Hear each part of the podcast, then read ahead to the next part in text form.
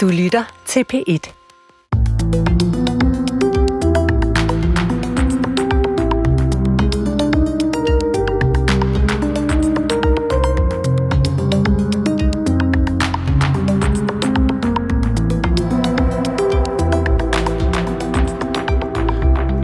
Kristus gik som bekendt først. Gennem lidelsen, døden og genopstandelsen. Som det hedder i trosbekendelsen, korsfæstet død og begravet, nedfaret til dødsriget, på tredje dag opstanden fra de døde. Det er påskens fortælling, og det er den selv samme fortælling, som vi i dette program vil følge. Vi skal gennem ledelsen med Aida, som er barn af et torturoffer, ind i døden gennem krig og sorg med forfatter Carsten Jensen, og tilbage til livet med et lille mirakel på en fødestue i Polen. Velkommen til Tidsånd. Jeg hedder Christoffer Emil Brun. Min fars traumer kom jo til udtryk. Altså altid. Altså han, han mistede sig selv fuldstændig. Uforbeholden til, til krigen og torturen. Øhm, han kunne ikke rigtig blive sig selv på noget tidspunkt. Altså jeg kunne slet ikke genkende det menneske, som jeg forlod, kontra det menneske, der kom. Øh, og der er mange konkrete eksempler, for eksempel om morgenen, øh, så når jeg stod op, så stod min far og røg cigaretter, altså fuldstændig kæderøg. Jeg ville ikke rigtig spise, og bare drak kander og kander af kaffe. Øh, og så nogle gange, og så kiggede han sådan på mig med sådan en helt fjern blik, som han jo altid havde, um, helt apatisk omkring det hele sådan set. Um, og så sådan i stedet for godmorgen var det ofte sådan, altså hvorfor, hvorfor slog det mig ikke bare ihjel? Altså hvorfor lod det mig leve med de minder, jeg har? Um, jeg kan huske, åh, jeg var så sur på mig, siger, hvorfor fanden? Altså krigen er færdig, hvorfor kan du ikke bare komme videre? Hvorfor kan du ikke? Fordi her var min mor og jeg, og vi gjorde alt, hvad vi overhovedet kunne for at integrere os, og for at skabe en normal tilværelse. Øhm, og så sad han der fast i fortiden. Øhm, jeg kunne simpelthen ikke forstå. Og jeg var, så, jeg var så vred på ham. Hvorfor fanden kunne han ikke bare lade det være i Bosnien? Altså, hvorfor kunne han ikke slippe det? For nu var krigen færdig. Men det er jo det, tortur gør ved en. Man kan ikke, altså det, det planter billeder, det ødelægger en sind. Det, det går ind i maven af et menneske. Øhm, så det er ikke bare noget, man bare lige kan komme over, eller lige glemme, eller komme videre fra. Det ændrer en fuldstændig fundamentalt. Altså om natten, øh, så kunne han ikke kontrollere sin drømme, og han kunne heller ikke vågne fra dem.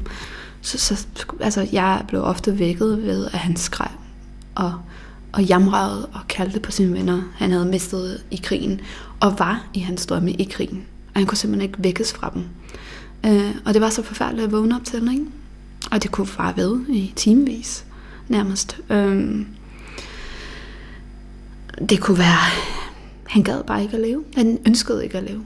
Øhm, og jeg ved til stadighed ikke helt, hvad, hvad det var helt konkret, han har været udsat for. Men det er i hvert fald nok til, at det har dræbt alt lyst i ham til at være et menneske, sådan set. Øhm, han gik ofte tur med vores hund, og kunne være væk sådan 14 timer i rap. Og min mor og jeg, vi sagde ikke noget til hinanden, apropos den lyserøde elefant, man talte om, men ikke taler om. Øhm, men vi sad sådan ofte sammen i sofaen og holdt om hinanden. Og sådan set bare ventet på, på at tid skulle komme og sige, at de havde fundet ham et eller andet sted hængt. Og det er noget faktisk, vi først har talt om, efter han stod. Og så kan du huske dengang? Og så siger min mor sådan, men havde du det virkelig også på samme måde?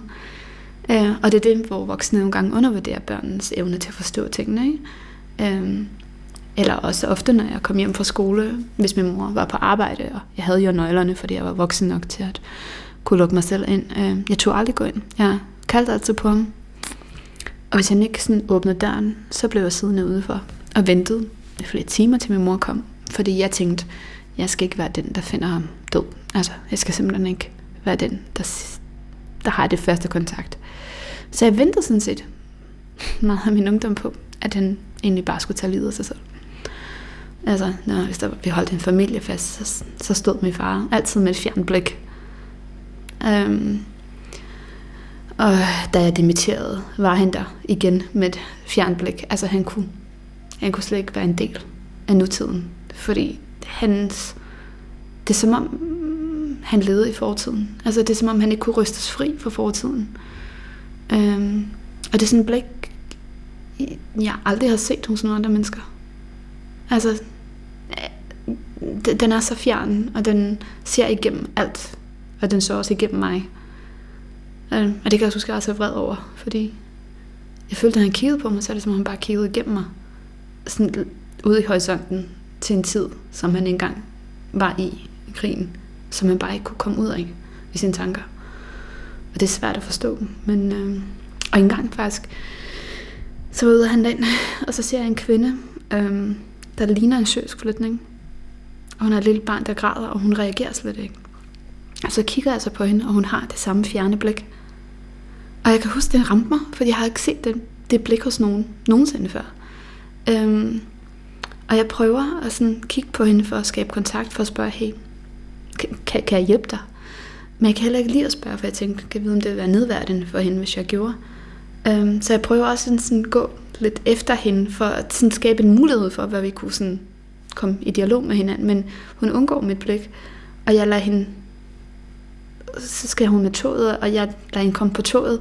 Og da toget så kører, jeg hvorfor fanden hoppede jeg ikke med og spurgte, hey, hvordan kan jeg hjælpe dig? For jeg er helt sikker på, at hun har været udsat for noget af det samme. Fordi der skal meget til, før man får, et menneske får den slags blik i øjet. Ikke? Og jeg tænker faktisk på hende virkelig, virkelig ofte stadig, selvom det er mange år siden.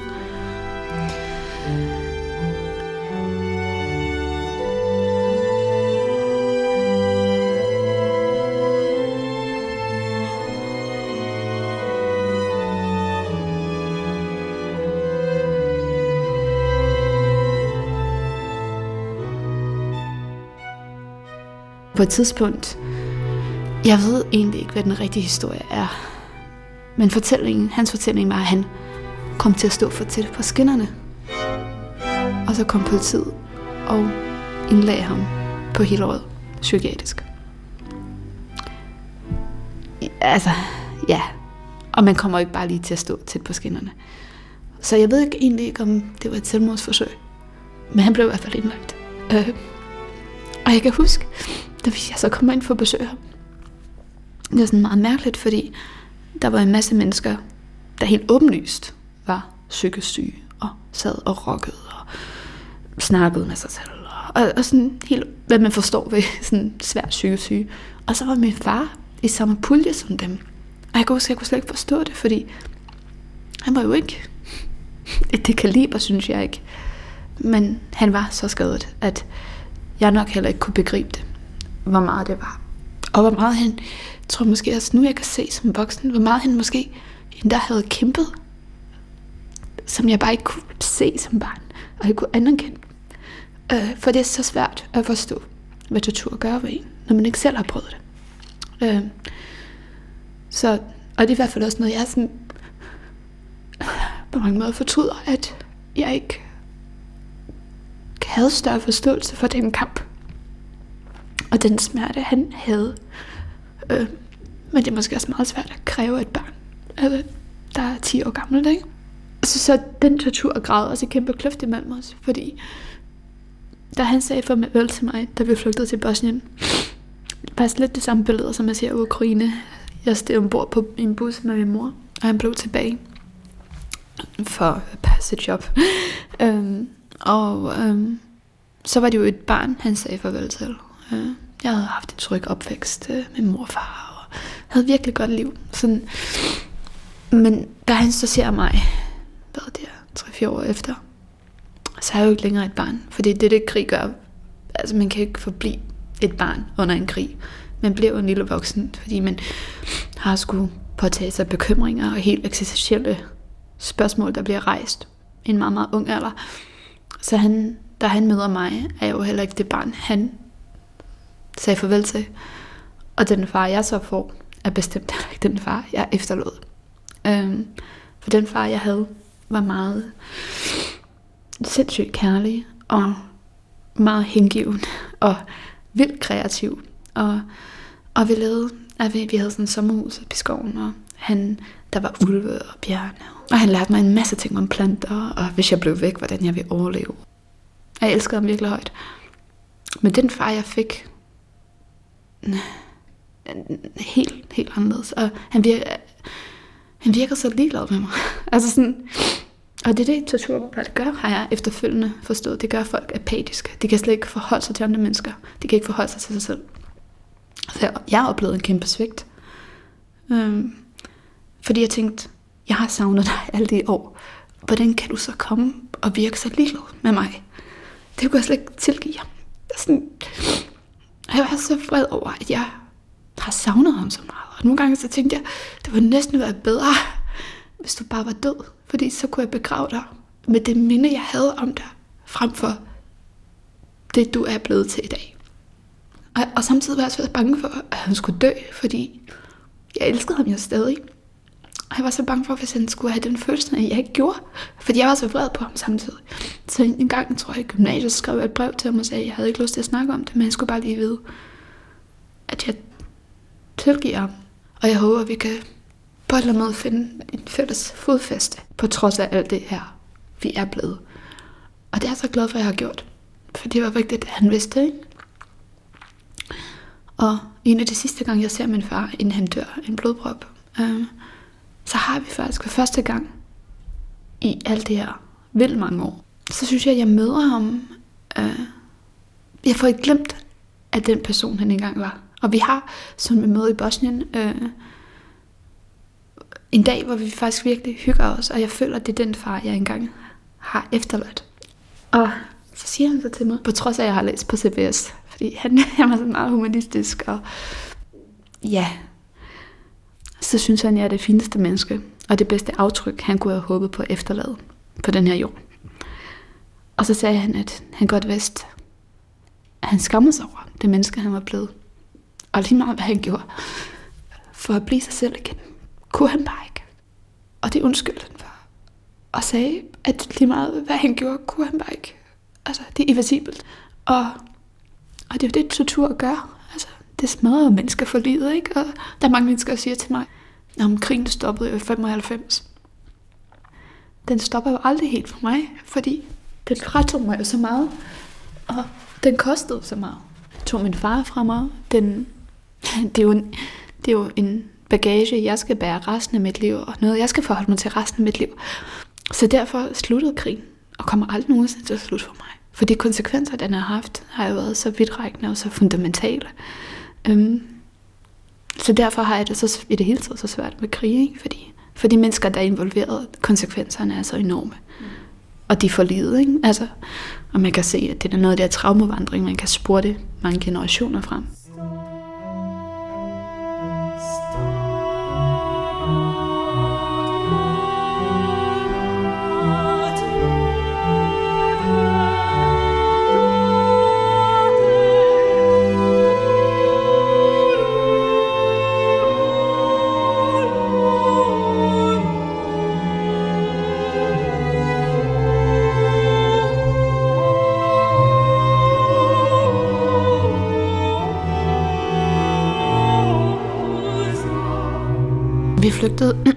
Fra Bosnien i foråret 92.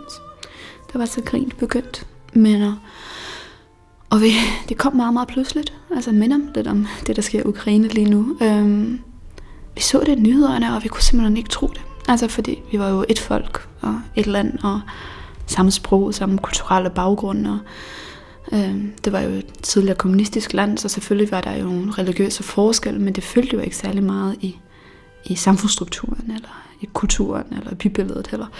Øhm, så at krigen skulle drives på det grundlag var jo helt utænkeligt, og der er selvfølgelig også nogle helt andre drivkræfter, der har skabt Balkankrigen end det religiøse. Det har bare været et påskud øhm, til at mane til, øhm, til vold, men det er jo egentlig ikke den egentlige årsag til det. Men, og jeg kan huske, at vi sidder også med mormor, og så ser vi øh, skyderier og bombardementer og snigskytter i Sarajevo, der 60 km fra, hvor vi bor.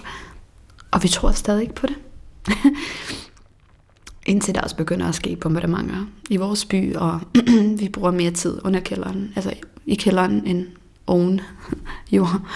Øhm, der kommer um, soldater ind, og jeg kan stadig en gang imellem høre sådan deres støvler marchere gennem byen.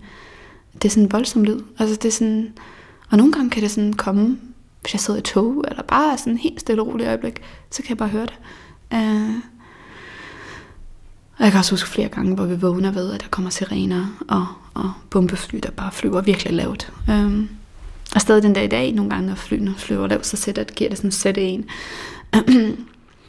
og øh, jeg var lige startet første klasse, og så begyndte der at komme soldater ind på skolen og ind i klasseværelserne, og fuldt maskeret og fuldt bevæbnet, og der begyndte at komme udgangsforbud. Og, og så tænkte min mor, at, og far, at det var bedst, hvis vi bare lige tager til Kroatien, for lige at komme lidt væk fra det. Øhm, indtil det lige, det hele faldt til ro, så kunne vi lige komme tilbage. Øhm, så vi så det egentlig bare sådan som forlænget ferie. Øhm, og min far var direktør, en af direktørerne for en kæmpe virksomhed, der, der er beskæftiget omkring 3-4.000 mand. Øhm, så han havde et stort ledelsesmæssigt ansvar. Øhm, og, så, og hele regionen hvilede jo lidt på den industri, så han, øhm, han var også meget kendt ansigt udadtil. Og sin position brugte han meget på at lave demonstrationer, skrive, skrive læserbrev, være meget aktiv i medierne, få mane folk til ro og sige, hey, vi er et folk, vi, skal, vi kan godt løse det her demokratisk vis. Øh, vi, vi skal jo ikke slå hinanden ihjel. Altså, det er vi for gode til. Øh, og han havde også ret stor opbakning indtil krigen for alvor brød ud. Øh, der blev han så altså midt om natten taget ud af sit hjem sammen med alle andre muslimske mænd og proppet i en koncentrationslejr øh, i byen. Så ja. Og der ved jeg, at øh, han er blevet udsat for meget psykisk tortur, hvor de har taget folk, han har kært, og tortureret dem, og tvunget ham til at se på det. Øhm, de har også bankede ham, så han havde mistet følelsen i sine hænder øh, på den ene side af kroppen og fødder. Men som han siger, det var det mindste af det. Altså, fordi det er til at leve med, og men det billeder, de planter i hovedet på en. Og det, det niveau af umenneskelighed, altså er svært at forene og forblive et menneske i den her verden. For han som siger, det var ondskab af et kaliber, man slet ikke kan, man slet ikke kan forstå. For det er en ærlig sag en krig, soldat mod soldat, skyde hinanden. Det er hvad der sker. Det er jo krigens vilkår. Men at torturere andre mennesker og udsætte dem for så meget lidelse, så meget ydmyghed, altså ydmyge dem, altså på det groveste, og fratage dem noget af deres med, altså menneskelighed fra dem, det er ondskab, mm, man slet ikke kan begribe. Altså sådan, det er så unødvendigt.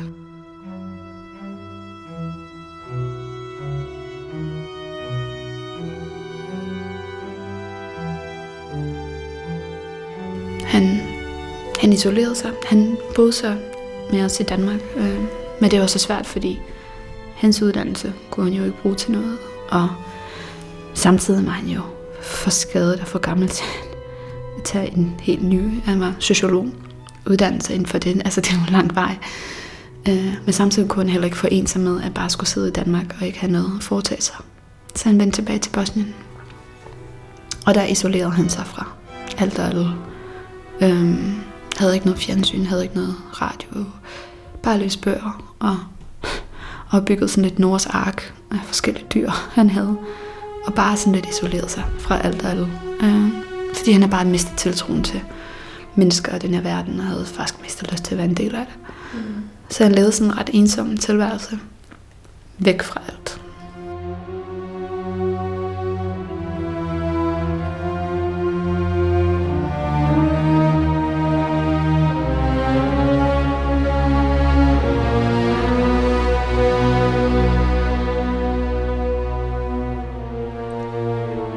Fra Aidas lidelsesfortælling, der begyndte i Bosnien, flytter vi os nu videre til forfatteren Carsten Jensen, der besøgte landet under krigen.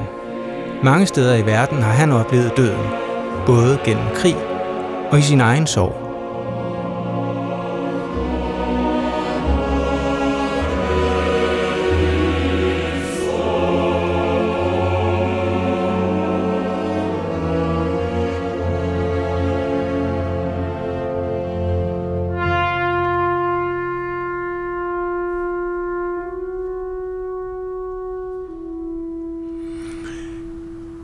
Jeg har rejst meget rundt i verden, og jeg har rejst både som en forfatter på min egen ligesom individuelle søgen, hvor det i øh, et tilfælde endte op i to store rejsebøger fra en jordomrejse tilbage i 1990'erne. Og så har jeg også rejst som reporter, indimellem også ind i krige. Og øh, jeg var på Balkan i 1990'erne. Krigen startede i Kroatien, øh, og det var der, den var det første halve år, før den sprang over til Bosnien. Og der var jeg så på en 14-dages reportagetur. Og så har jeg været i Kambodja. Det var som forfatter, og der var ikke krig på det tidspunkt, men det var nok altså et af de steder i verden, og måske endda også i verdenshistorien, der har været hårdest ramt under Khmer Rouge regimet, som man kan næsten kalde det et, et auto-genocide, begik på sin egen befolkning, hvor man anslår, at i de tre år, de var ved magten, udryddede de en fjerdedel af befolkningen. Øh, og så har jeg rejst som journalist meget i Afghanistan. Der har jeg været på tre store, fire store reportagerejser i løbet af de år. Og øh, den oplevelse, der nok har gjort, altså det er jo meget forskellige krige. Øhm, og oplevelserne har været meget forskellige også.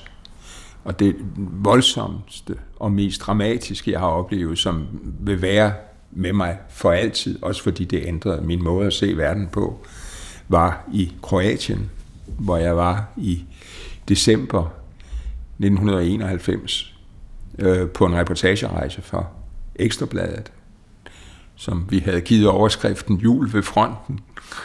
Og det, der jo altså karakteriserede den krig, var, at det var ikke en krig mellem to regulære herrer. Det var øh, paramilitære tropper, militser, som med eller uden uniform, som simpelthen førte en terrorkrig mod civilbefolkningen. Og øh, som jo var kroater, og de her militser var serbiske. Og det var jo dengang udtrykket etnisk udrensning opstod. Og det handlede jo om, altså, at Serbien ville have kontrol med meget store områder, og alle af en anden etnisk baggrund skulle skræmmes væk, og hvis de ikke flyttede sig frivilligt, skulle de slås ihjel. Og det jeg så oplevede der var faktisk på min reportages første dag, øh, en landsby, hvor som havde været i hænderne på de her paramilitære tropper i en tre måneders tid. Og så havde de af en eller anden grund, uigennemskuelig grund faktisk, valgt at trække sig ud. og før de trak sig ud, sprængte de den 600 år gamle katolske kirke i luften. Og så var der nogle mennesker tilbage i landsbyen, og det var pensionister, som ikke var flygtet. Resten af befolkning var faktisk flygtet, og det var jo også meningen med deres tilstedeværelse. Øh, men de gamle, som jo mente om sig selv, at de var harmløse, mænd og kvinder, og de tænkte, vi gør jo ingen fortræd, vi er jo ikke nogen trussel mod nogen, vi har ingen våben. De blev så slået ihjel alle sammen af stærkt, tror jeg, berusede, svært bevæbnede mænd. Og alle ligene, øh, der var 48, der var formodentlig flere, men det var 48 lige jeg så, der var blevet myrdet et par dage før. Og de var ikke blevet øh, myrdet sådan barmhjertigt, havde jeg nær sagt, altså stillet op mod en mur og skudt. De var blevet slået ihjel med økser og motorsave og brændt. Så der lå nogle fuldstændig forfærdeligt maltrakteret lige af gamle mennesker på en lang række. Og jeg var der jo som journalist, og jeg følte, det var jo min pligt at bære vidnesbyrd om, hvad det her var for en krig, hvad kræfter, der var sluppet løs i den. Og øh, så jeg gik den her række igennem to gange med notesbogen i hånden og beskrev, hvad jeg så, og så måtte jeg sætte mig ud på kirkegården bagefter og brød fuldstændig sammen. Også fordi jeg kom, jeg følte jo på en, det var min første krig. Det var også den første krig på europæisk jord efter 2. verdenskrig. Og jeg kom, gik jo op for mig, hvor beskyttet og uskyldigt et liv, jeg levede i Danmark. Øhm, krige var jo kun noget, der var på en skærm, og her var det pludselig så forfærdeligt. Øh, for øjnene af mig. Og så fik jeg lejlighed til at møde den mand, der havde stået bag massakren, som altså, de havde åbenbart været beruset, øh, militssoldaterne, og så havde de trukket sig ud, og han var så fuld, at han var faldet i søvn, og de havde glemt at tage ham med. Og da han vågnede, stod der en flok unge kroatiske soldater og pegede på ham med et gevær. Og øh, så fik jeg lejlighed til at interviewe ham. Og han var jo tydeligvis blevet sønderbanket. Og hans bukser var gennempisset, og hans ansigt var opsmuldret med alle de svag, slag, han havde fået. Og øh, jeg spurgte så de unge soldater, fordi nu var jeg der jo som journalist, så jeg sagde, har I slået ham? Og det var jo fuldkommen evident, at det havde det. Og øh, så sagde de, det er det forkerte spørgsmål. Nå, sagde jeg, hvad skulle jeg have spurgt jer om? Du skulle ikke have spurgt os, om vi havde slået ham. Du skulle have spurgt os, hvorfor vi ikke havde slået ham ihjel. Og så sagde jeg, hvorfor har I så ikke det? Og så sagde de, fordi vi ikke vil være ligesom ham. Og det synes jeg var et fantastisk stærkt svar. Fordi der skete et skred i mig, da jeg stod over for den mand. og det var, at jeg tænkte ikke, ligesom at jeg var interesseret i at vide, hvorfor han havde gjort det. Hvad for en slags liv havde han havde haft? Hvad var der gået i stykker i ham som menneske? Hvilken barndom, hvilken ungdom? Hvor var det gået skævt? Jeg var fuldkommen ligeglad. Jeg havde ingen som helst vilje til indlevelse. Heller ingen spontan. Jeg havde bare en tanke. Den slags mennesker skal stoppes. Og jeg synes, det var faktisk storslået, at de unge soldater ikke havde slået ham ihjel. Det var håbefuldt for det land, de gerne ville skabe i fremtiden. Men der var, gik et skår i min humanisme, i min skandinaviske humanisme. Og jeg holdt op med at være pacifist. Og det havde jeg, som vi jo fuldkommen på ryggraden er i, i Danmark.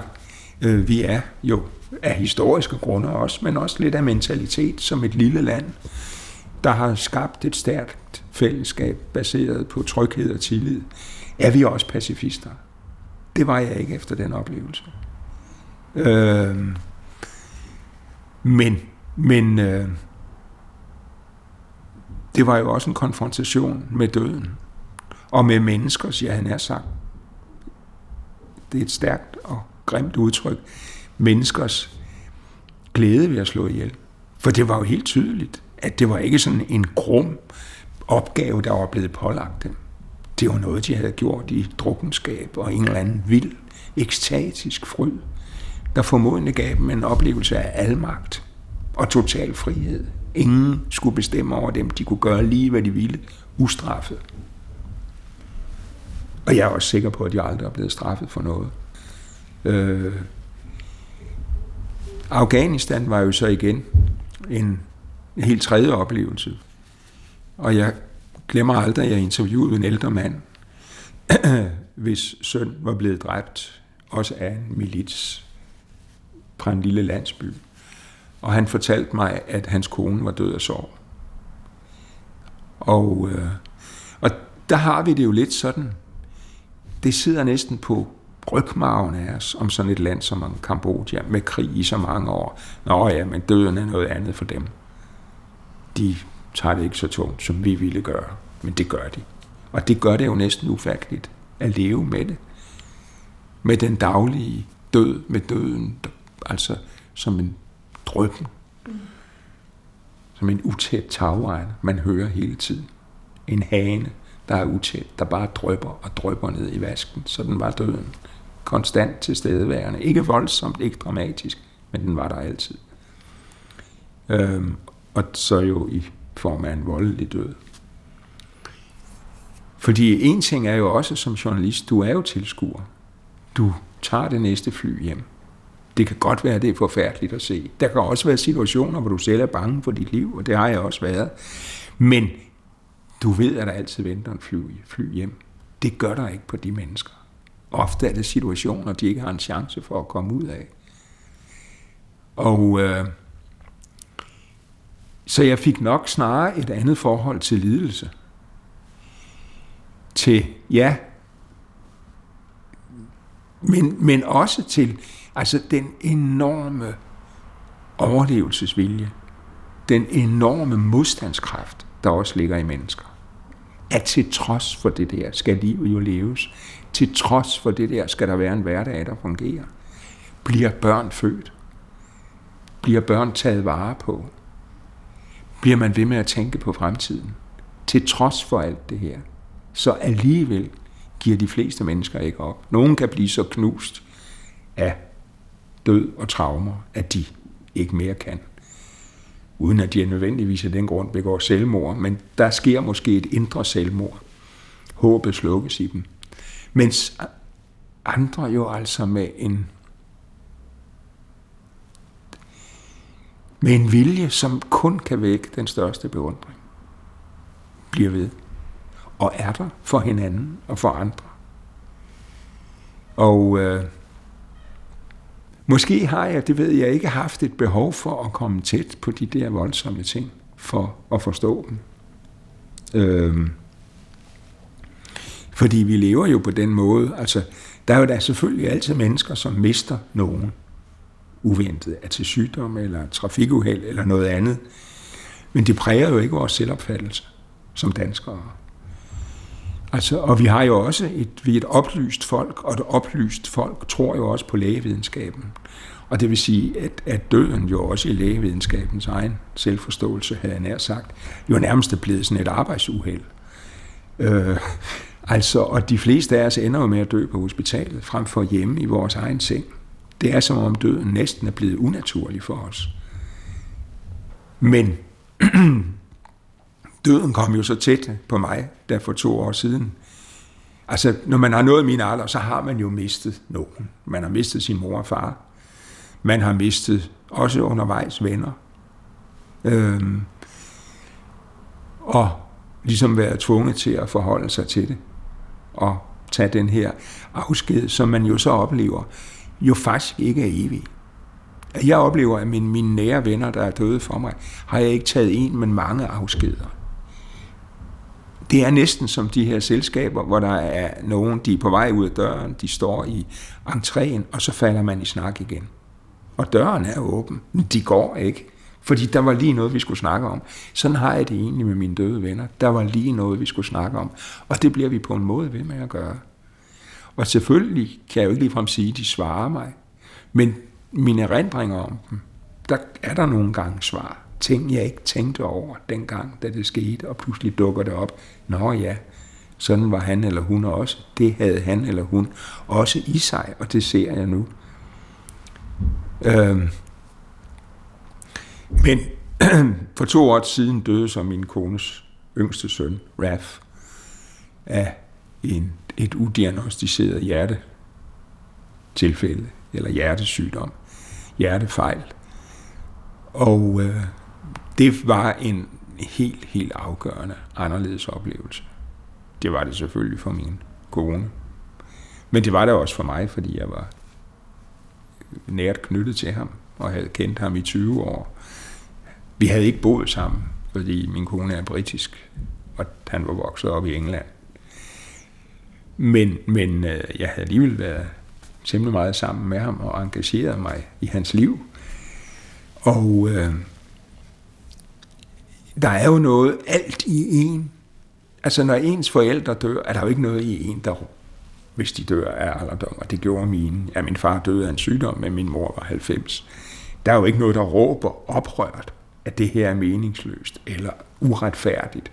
Men det er der, når det er et ungt menneske, der dør.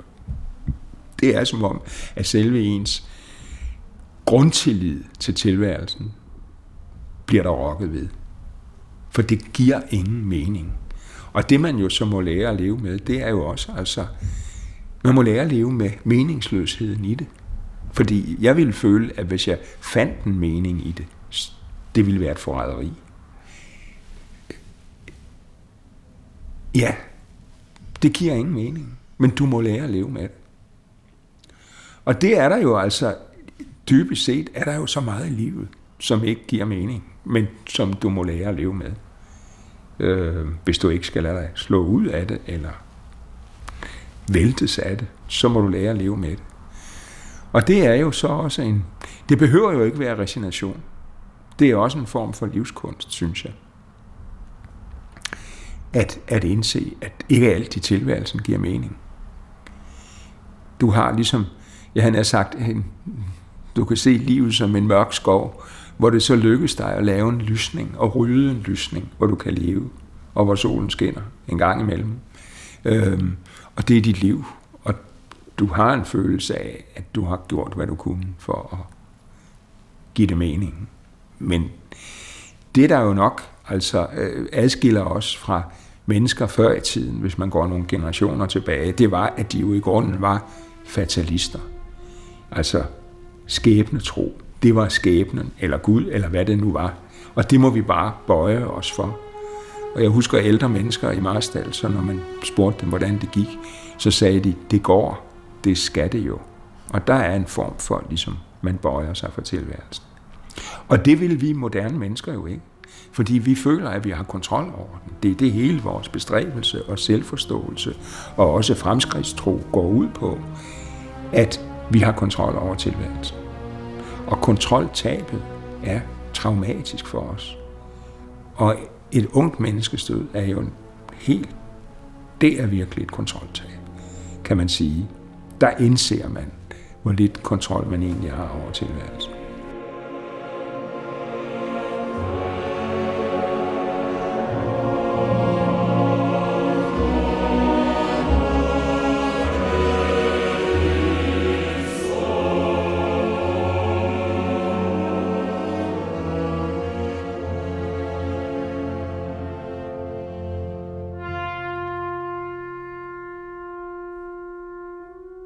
En del af grunden til, at vi har religioner, det er den anfægtelse, at vi skal dø.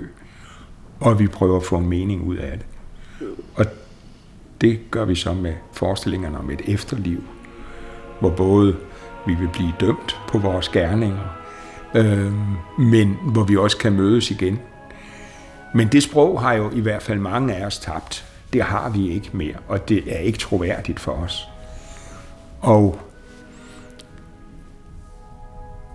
Så jeg tror, moderne mennesker, de mangler et sprog for døden. Vi mangler også et sprog for sorg, og hvad det egentlig er. Og det hænger sammen med, at vi har så få ritualer tilbage.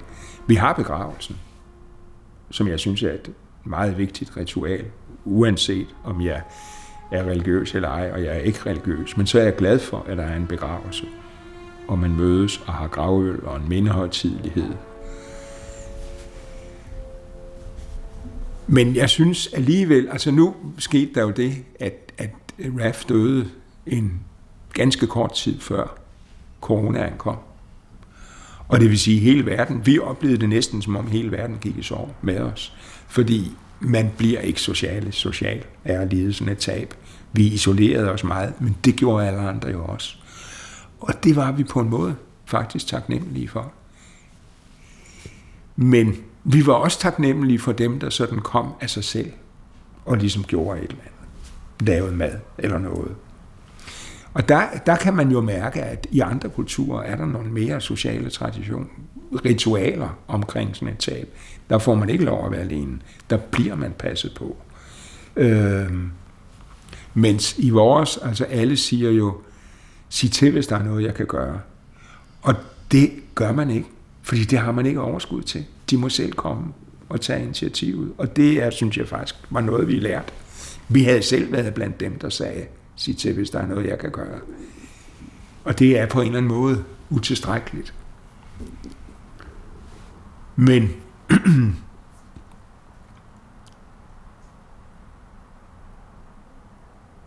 nu, nu var, altså Raf var solo, og en af de mest fremtrædende aktivister i den engelske klimabevægelse Extinction Rebellion, hvor han havde en meget høj profil og ofte talte ved store demonstrationer.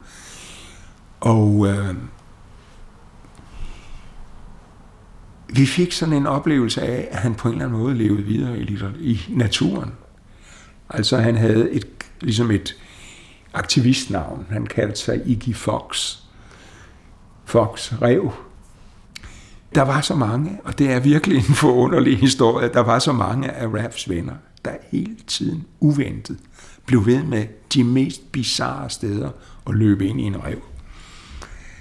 Øh, Og samme dag han døde, var der en rev, der gik ind i det britiske parlament, og uden at nogen stoppede den, gik op på fjerde sal, satte sig ned og sked på gulvet, og så gik igen. Og i Extinction Rebellion sagde de alle sammen, det var Raft, der sagde farvel. Fordi han havde ikke den store respekt for britiske politikere af gode grunde.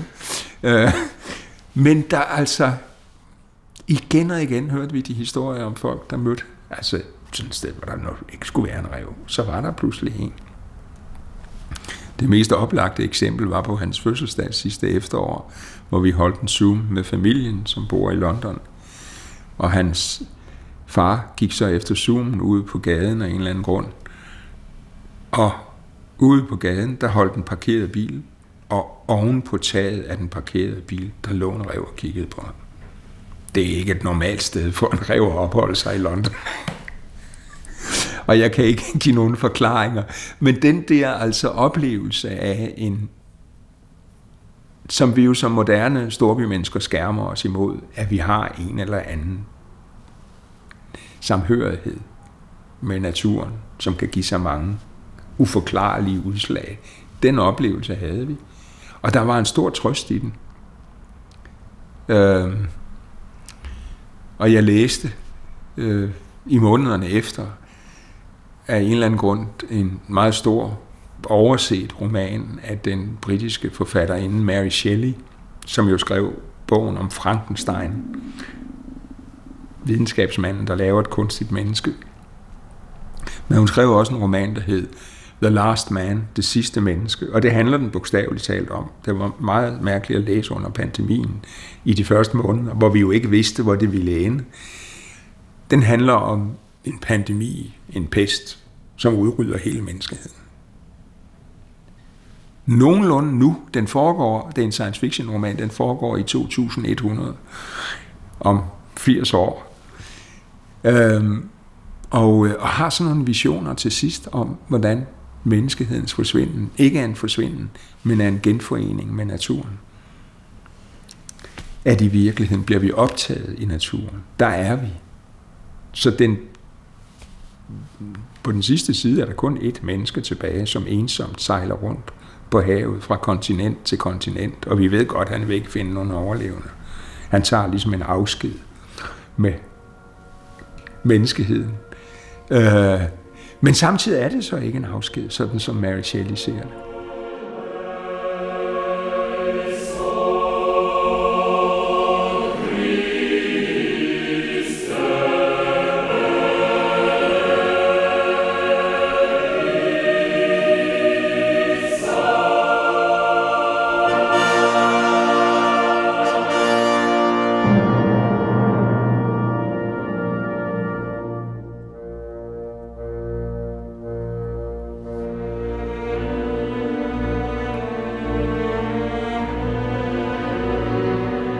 Har nu været igennem først lidelsen med Aida, og senest her døden med Carsten Jensen.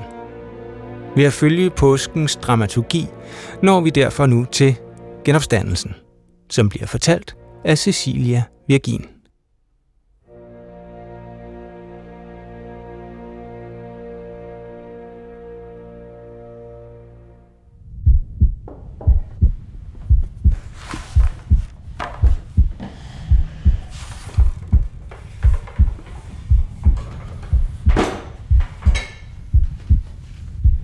Fortælle lidt om dig selv og din vej ind i den fond?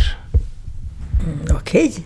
Altså, om mig, jeg hedder Cecilia, og jeg kommer fra Sverige, det kan man høre på min accent.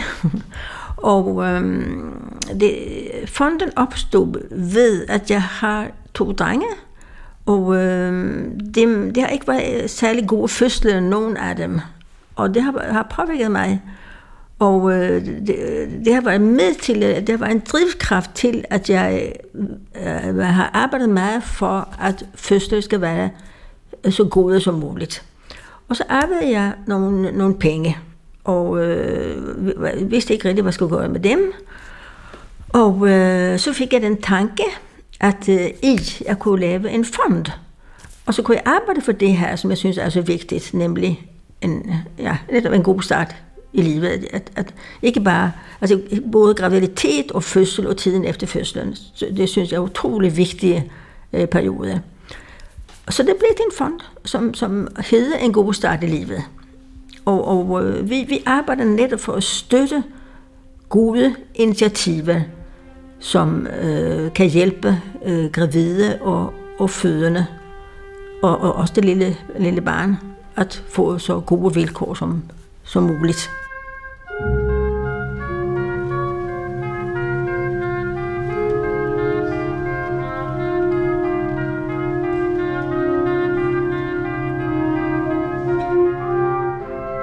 Jeg havde haft mange klienter, som øh, kom til mig, fordi de havde dårligt forhold til deres børn. Og øh, så gravede vi lidt i historien, og så hørte jeg mange, mange gange, at det handlede om, at de havde født øh, barnet for tidligt. Og øh, at det, at barnet havde ligget i kuvøse øh, 14 dage, i måned, nogle gange 6 uger, og kvinden, moren, ikke havde set sit barn, det gjorde, at, at den der utrolig vigtige kontakt, øh, der skabes, eller gerne skal skabes, mellem mor og barn, den var der ikke. Og, og det havde påvirket deres forhold til, til barnet, sådan, så de, de synes slet ikke, de kendte deres barn. Og, og barnet trivedes ikke, Det havde problemer i skolen, og i det hele taget var det rigtig, rigtig skidt. Så, så den erfaring, jeg havde som, som psykoterapeut, det var med til, at jeg synes, at det, var, at det er vigtigt,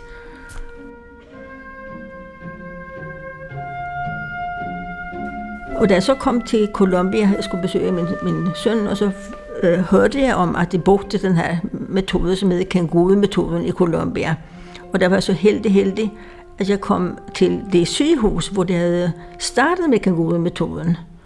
Og kangurumetoden, det handler jo om, som navnet siger sig selv, at man lægger øh, den lille unge, eller barnet, mellem morens øh, bryster for at holde det varmt, og for at det skal have den bedst mulige miljø, når der nu ikke kan ligge i maven.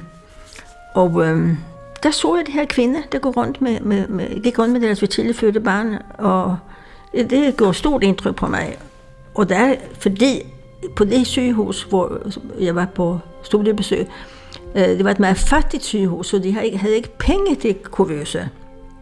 Og det var det, der gjorde, at øh, møderne gik døgnet rundt med det her lille barn. Og så viste det sig, at de her børn trivedes langt, langt bedre end de børn, der lå i kuvøsen.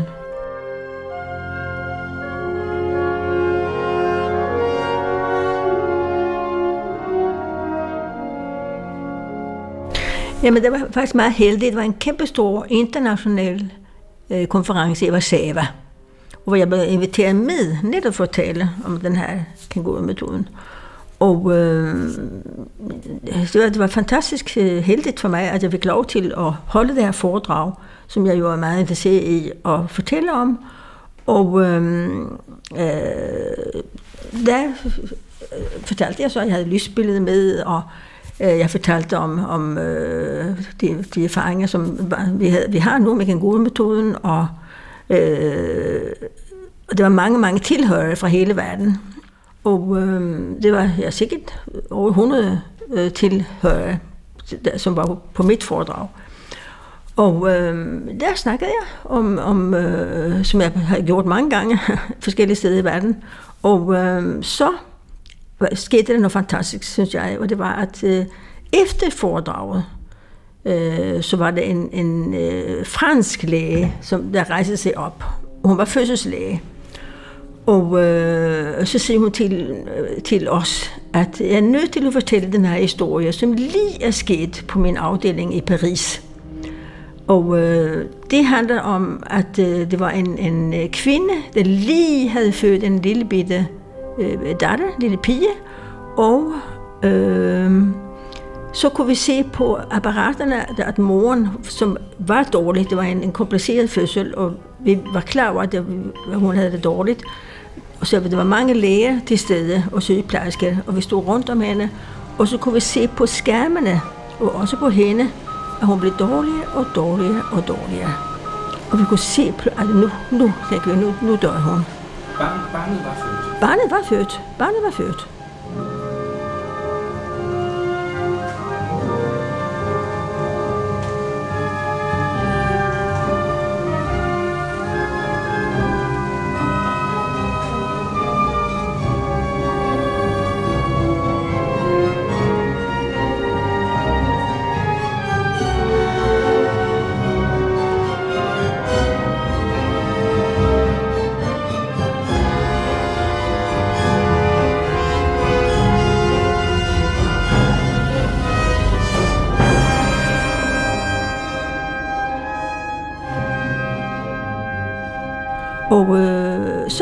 en, en, en, sygeplejerske, der siger, jamen, øh, jeg synes lige, vi skal tage den her lille pige og lægge hende på mors bryste, så hun lige får lov at mærke sin mor og høre hendes hjerteslag, inden moren dør.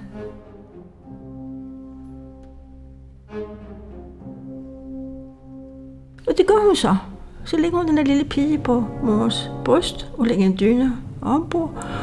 Og så fortæller den her franske læge, at øh, pludselig så ser de der personalet, alle sammen ser på skærmene, at i stedet for at gå ned og ned og ned, som det har gjort, så går tallene op og op og op og op, og moren simpelthen er ved at komme sig. Hun er ved at komme til liv igen.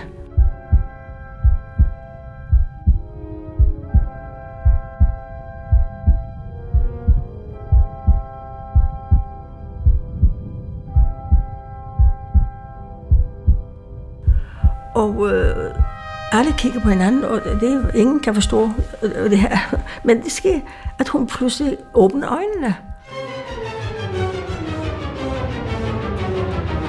Og, og så ser øh, øh, øh hele personalet på hende og forbavset, og så til en af lægen, at man, er du klar over, at du var lige ved at dø? Og så siger hun, ja, det ved jeg godt. Øh, fordi lige da jeg var, var, skulle dø, så, kom det, så var der nogle engle, der kaldte på mig, og så gjorde det sådan her. Altså en gestus, der betyder, kom, kom til os, kom, kom. Og, og det gjorde hun så, hun fulgte dem helt. Altså, det, hun, hun fulgte dem. Øh, og øh, så pludselig, da, da, da hendes lille pige så blev lagt på hendes øh, øh, øh bryst, så gjorde englene den modsatte gestus. Altså gå tilbage, gå tilbage, sådan her. Gå tilbage, gå tilbage, gå tilbage. Og det gjorde hun så. Så gik hun tilbage og tilbage. Og øh, eh, så, det fortalte hun os alle sammen. Og vi var helt øh, målløse, selvfølgelig. Og, øh, og hun var meget, meget rørt selv. Og lå der med hendes lille pige. Så det var det.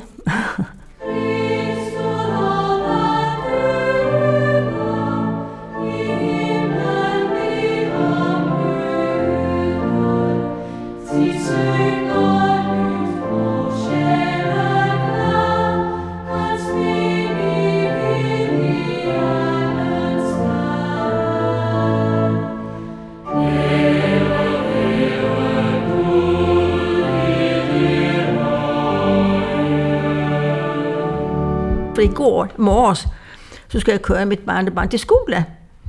Og så tænkte jeg, nu skal jeg øve mig på at fortælle den her historie. Så jeg spurgte ham, øh, jeg, jeg skal lige fortælle dig om noget, øh, en, en historie, som jeg har været med om en gang, hvis du vil høre den. Jamen, det vil han gerne. Og så fortalte jeg hele historien, og så sagde han, men farmor, det var, det var jo ligesom med, med, fuldstændig ligesom med Jesus. Ja, ja, det er rigtigt. Det var fuldstændig ligesom med Jesus. Men det her, det var jo en kvinde. Øh, det var ikke en mand. Jesus var jo en mand. Og så sagde han, jamen så, så, så, må, vi, så må det jo være fru Jesus.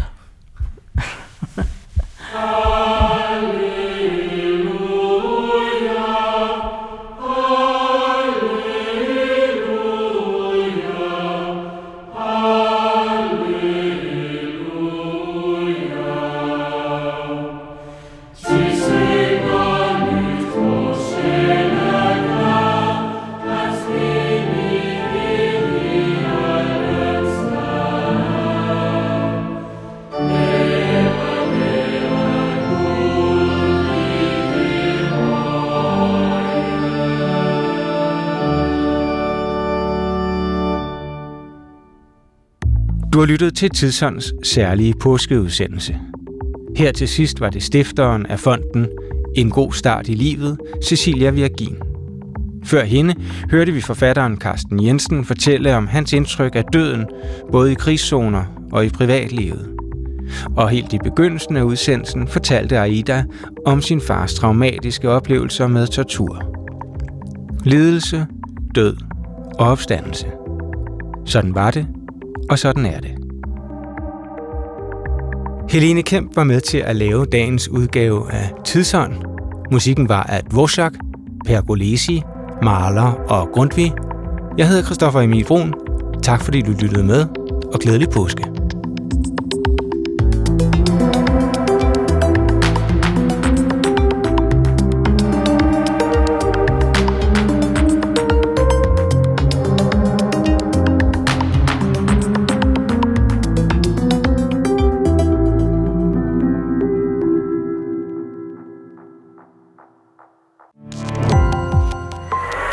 Opdagelse i alle DR's podcast og radioprogrammer. I appen DR Lyd.